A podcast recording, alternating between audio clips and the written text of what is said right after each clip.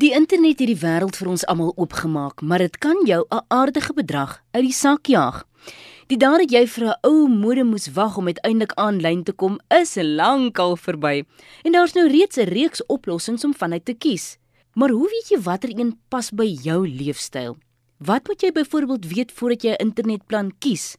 Advertensies gebruik soveel terme dat dit enige iemand se kop kan laat draai, selfs myne. Jy kry die woorde capped en uncapped. So kom ons kyk na hierdie twee woorde. Capped beteken dat daar 'n perk is op jou internetverbruik.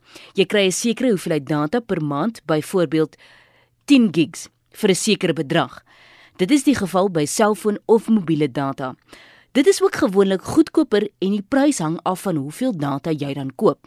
Jy koop dit in data bundels wat jy kan gebruik net soos jy wil. Dan skuif ons oor na die woord waarvan baie mense hou, uncapped en dit beteken bloot die teenoorgestelde, naamlik dat daar geen perk op jou data is nie. Jy betaal 'n spesifieke bedrag en teoreties gesproke kan jy dan die hele maand die internet gebruik. Wees egter versigtig hiervoor want baie internetverskaffers maak jou koneksie baie stadiger sodra jy 'n sekere hoeveelheid data 'n maand gebruik het. Donovan Eva het ook vir my 'n paar antwoorde want hy is ten minste die man wat elke dag daarmee werk. So Donovan, kom ons gebruik sommer gou die Engelse terme waarmee mense bekend is. Verduidelik gou in leuke terme, wat is Wi-Fi? Ah, uh, om dit maklik te stel, dit is ehm um, jou internetkonneksie wat deur die lug gaan en dan kom dit by jou device uit. So waarom sê mense partykeer hulle sukkel om te konnekteer aan Wi-Fi? Dit kan dalk wees dat uh die router wat jy gebruik of die jou device, as jy dit so kan stel, nie heeltemal met mekaar praat nie of andersins is daar password issues of ietsie soos daai. Maar ja, gewoonlik is dit nie ietsie baie erg fout nie. Miskien is daar dalk nie data of internet as jy dit so kan stel nie.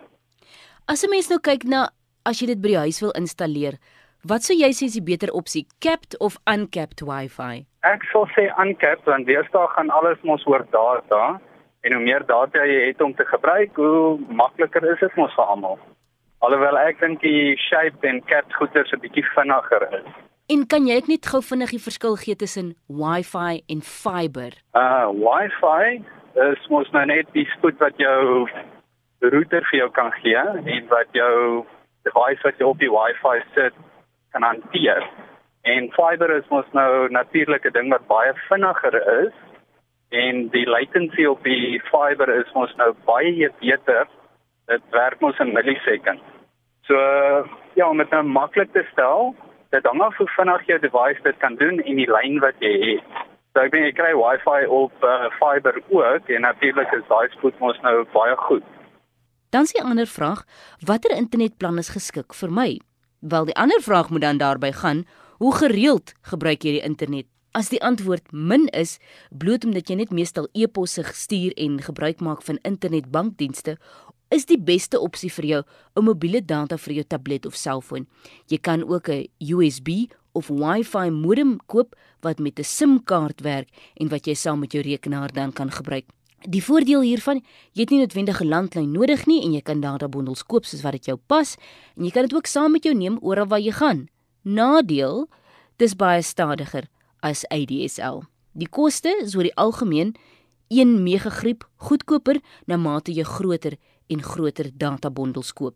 As ons weer terugkeer na die vraag hoe gereeld gebruik jy die internet en jou antwoord is gereeld omdat jy heeltyd op sosiale media doenig is of selfs navorsing doen, kan dit wees dat jy sal dan 'n ADSL deur jou landlyn moet kry. Die ADSL-kabel loop deur jou telefoonkabel en word met roteerder en Wi-Fi vir jou hele huis omskep. Voordele hiervan, dis baie vinniger as mobiele data en dit is altyd aan in jou huis.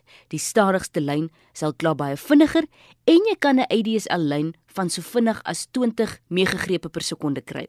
Die meeste lyne is nou uncapped wat jou dus onbeperk toegang tot die internet gee. Nadeel is jy het 'n telefoonlyn nodig. So die koste is jy betaal maar vir jou landlyn per maand en daarbenewens betaal jy 'n bedrag aan jou internetdiensverskaffer wat 'n subskripsiefooi en toegang tot die ADSL lyn insluit.